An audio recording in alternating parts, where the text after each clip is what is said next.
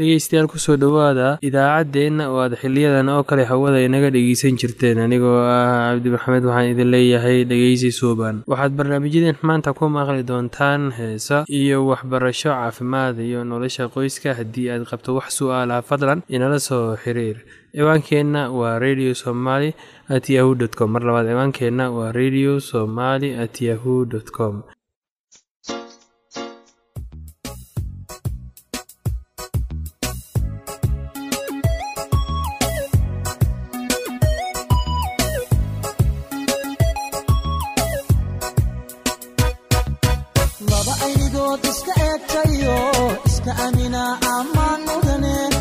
indhacashaqo isku ooyayo is-ilaashada ammaan mudane axdigay dhigteen u adkaystayo aroos gala ammaan mudane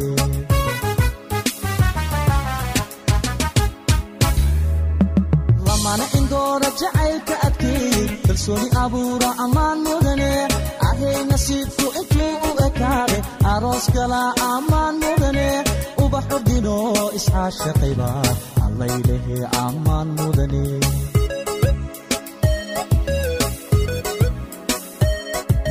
Laba aynigood iska eegtayo iska amina ammaan mudane. Indhacashaqo isku ooyayo is-ilaashada ammaan mudane. Axdigay dhigteen u adkaystayo aroos gala ammaan mudane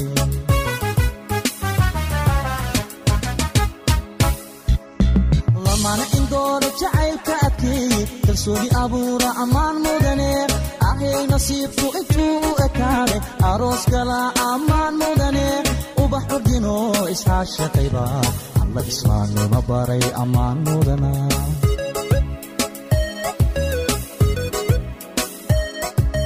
malkiyo dookha ilwaadka jacaylka udgoonku beerma ammaan mudane laba ka ilaalshi nacabka irdhiy dhaqanku aroorsha ammaan mudane afka hiddaha asalka awlaadda tusaa ammaan mudane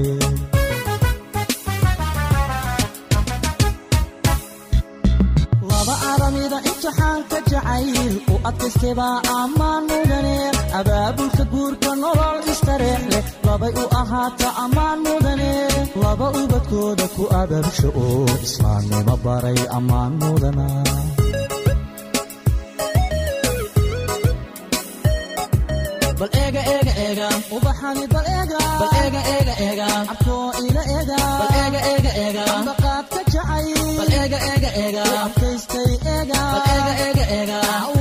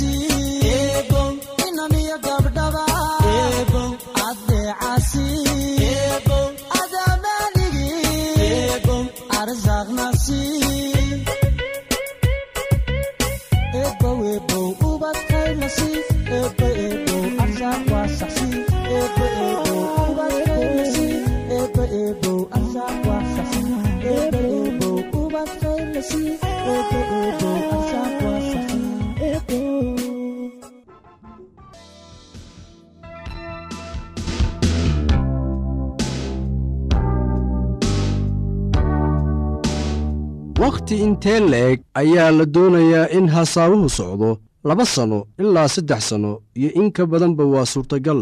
Inkastoo waayahan labada isguursanaysa ay ugu yaraan hal sanno si dhab ah u wada hasaawaan.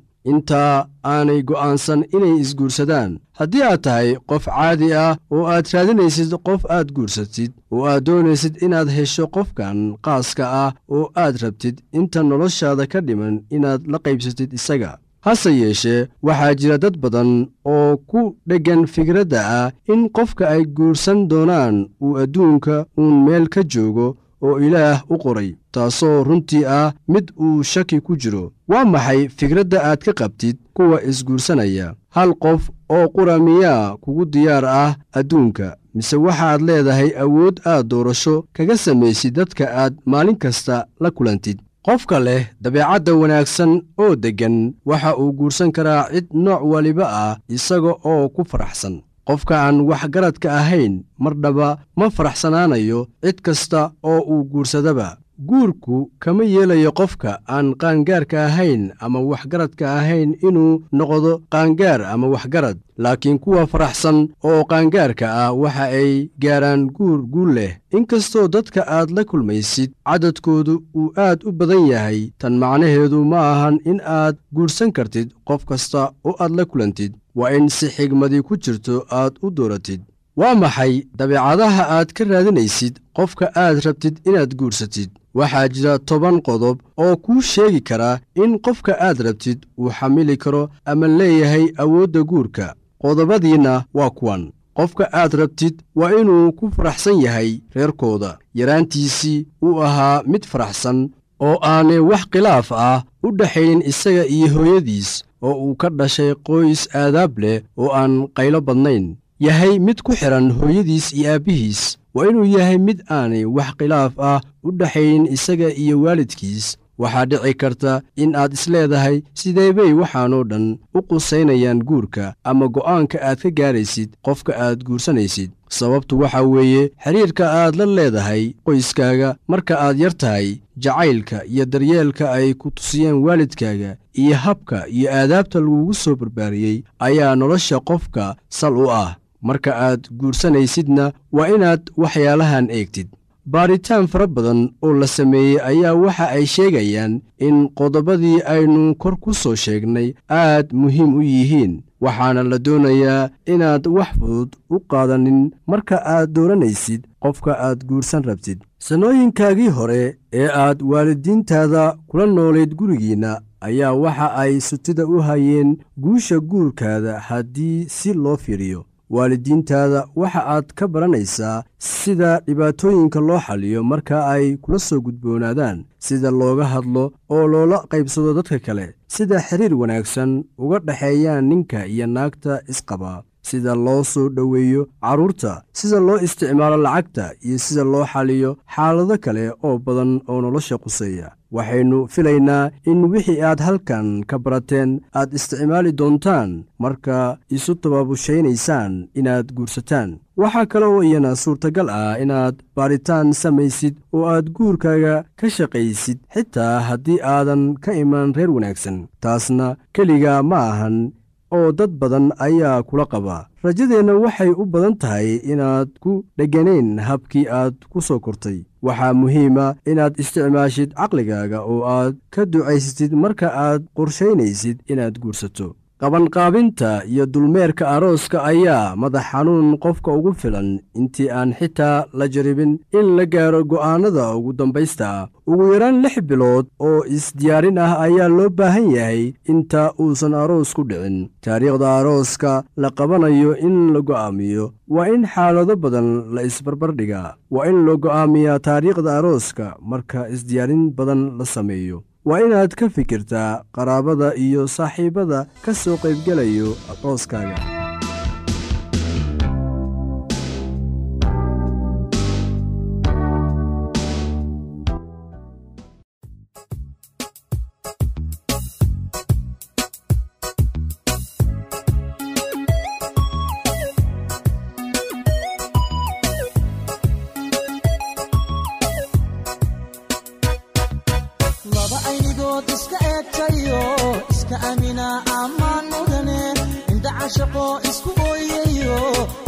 is-ilaashada ammaan mudane axdigay dhigteen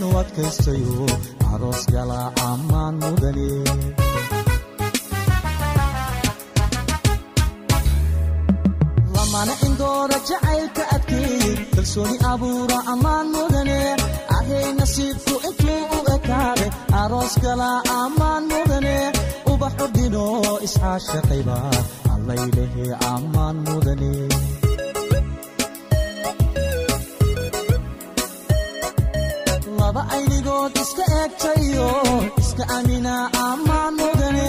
Indhaca shaqo isku ooyayo is-ilaashada ammaan mudane. Axdigay dhigteen u adkaystayo aroos gala ammaan u adeegasi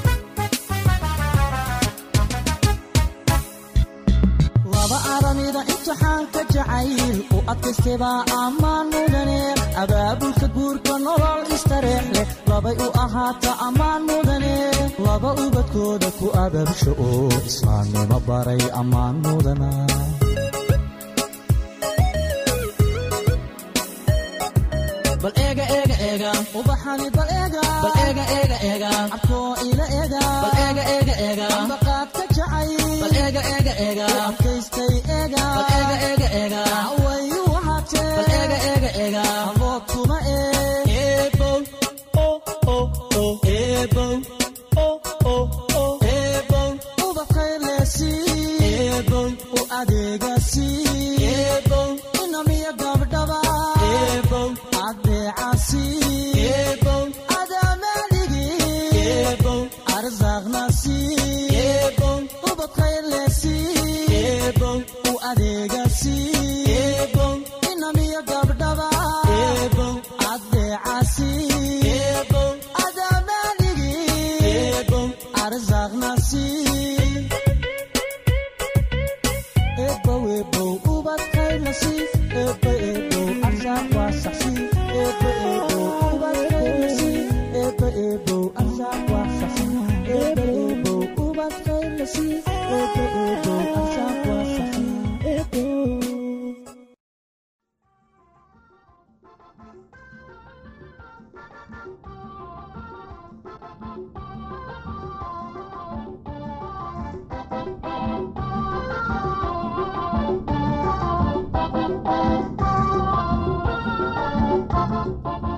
dhegeystayaashiina qiimaha iyo qadarinta mudanu waxaad ku soo dhowaataan barnaamijkeenii caafimaadka oon kaga hadlaynay la noolaanta dadka qaba cudurka aidiska mowduuciina maanta wuxuu ku saabsan yahay carruurta qabta h i v-ga ama aidiska carruurta qabta h i v-ga siday u badan yihiin infecshonka waxay ka qaadaan inta ay ku jiraan uurka hooyadood amase marka ay dhalanayaan dhalaanka h i v qaba siday u badan yihiin waxay isu bedelaan kuwo qaba aidis intaysan gaarin da-dooda laba sano. Qaarkoodse waxay ahaadaan kuwo caafimaad qaba ilaa intay gaarayaan lix sano. Caruurta h i v ama aidis qabta waxay u baahan yihiin kalgacayl iyo daryeelid cunto nafaqo leh jawi saxadiisu wanaagsan tahay. Waa in takhtar loo geeyaa marka ay xanuunsadaan carruurta halis ma aha haddii la xambaaro ama laysu duubo carruurta qabta h i v-ga ama aidiska h i v kuma faafo carruurta kaadidooda caliyadooda saxaradooda ama matagooda. Cunug h i v qaba uma gudbin karo infecshonka haddii uu kuwa kale la cayaarayo ama uu la qeybsado waxyaabaha ay caruurtu ku cayaarto caanaha naaska hooyada waa cuntada ugu wanaagsan ee dhallaanka. Waxay ka ilaaliyaan dhallaanka shubanka iyo cuduro badan oo kale. Naasnuujintu waa muhiim.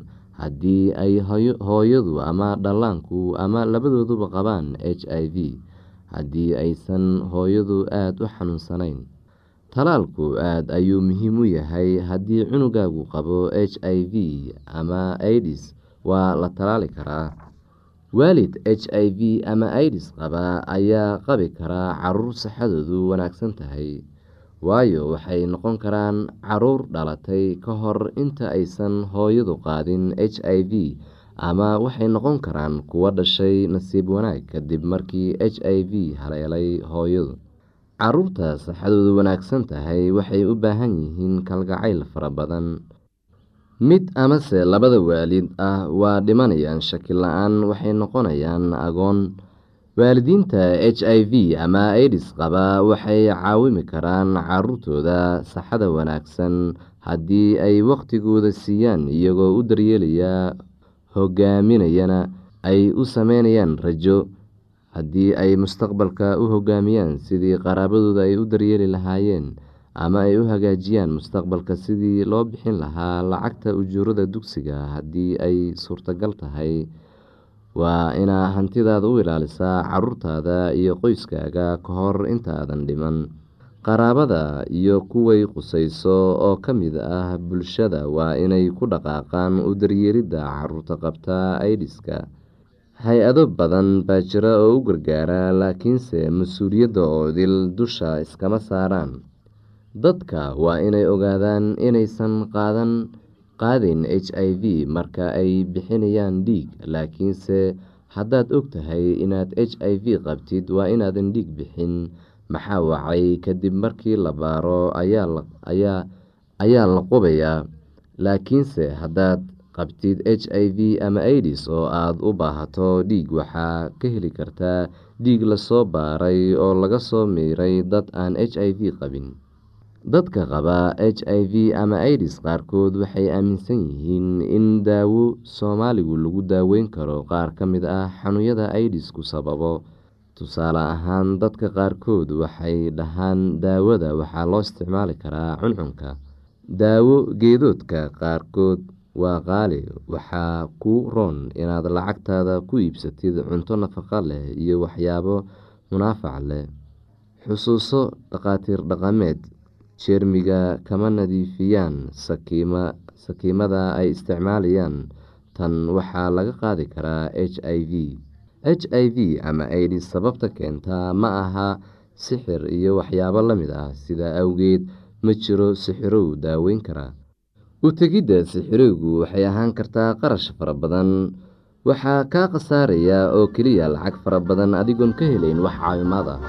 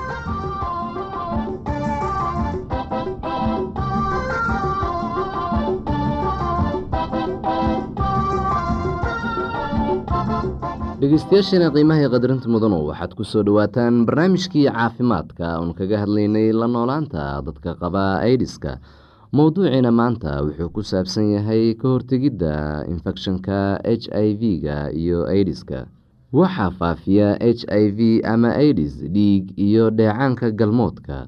Haddaad qabtid h i v ama aidis ha ka welwelin inaad qoyskaaga u gudbiso fayraska inta ay socoto nolol maalmeedku laakiinse haddaad rabtid inaad naf ahaantaada iyo kuwa kaleba ilaaliso waa inaad yeelataa dhowr digtoonaan waa inaad iska ilaalisaa jeermiga adigoo saxada gurigaaga wanaajinaya.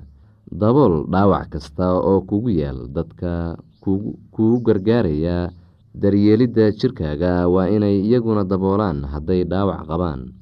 Ka fejignow haddii dhiig kaa socdo ama ay jiraan dhar dhiig ku yaal biyo karkarsan ku dhex rid dharka iyo wax kasta oo dhiiga gaaray. Jeermiga h i v-ga kuma noolaan karo biyo karkarsan iyo markii wax badan uu qoraxda ama meel qalalan u yaal. Waa fikrad wanaagsan inaad ka fogeyso burushka ilkaha ama cadigaaga iyo sakiinta garka lagu xiirto aada isticmaasho qoyskaaga kuwo ka mid ah.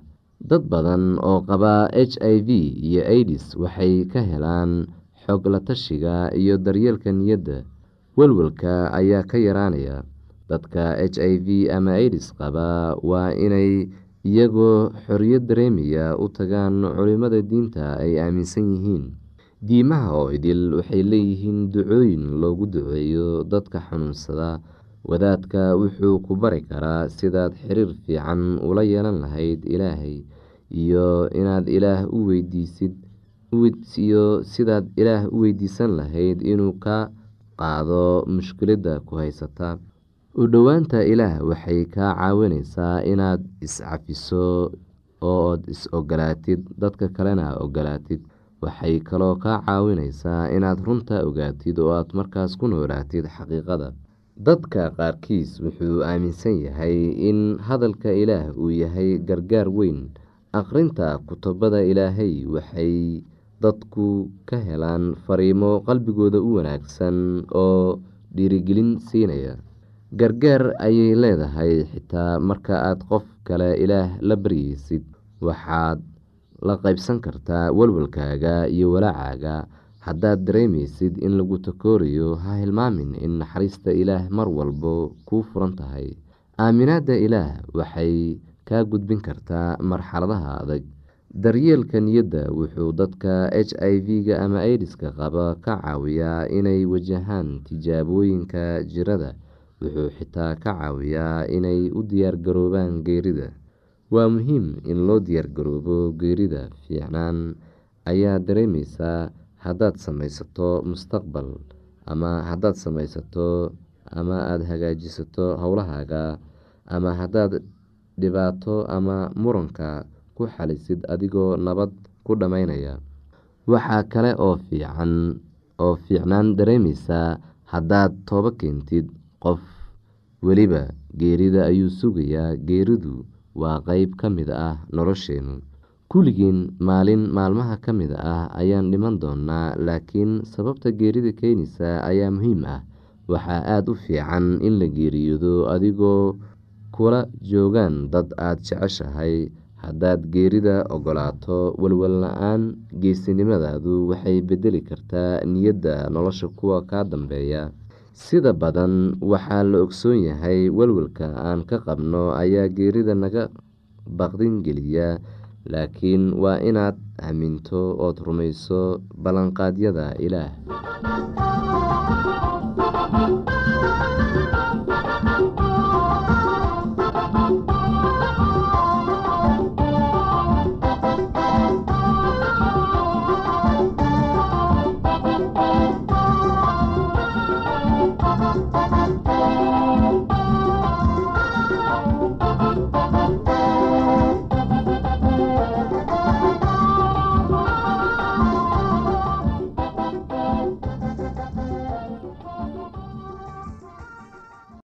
haddii aad qabto wax su'aalaha fadlan inala soo xiriir. ciwaankeenna waa radio somaly at yahu t com. mar labaad ciwaankeenna waa radio somaly at yahu dt com. barnaamijyadeena maanta waa naga intaas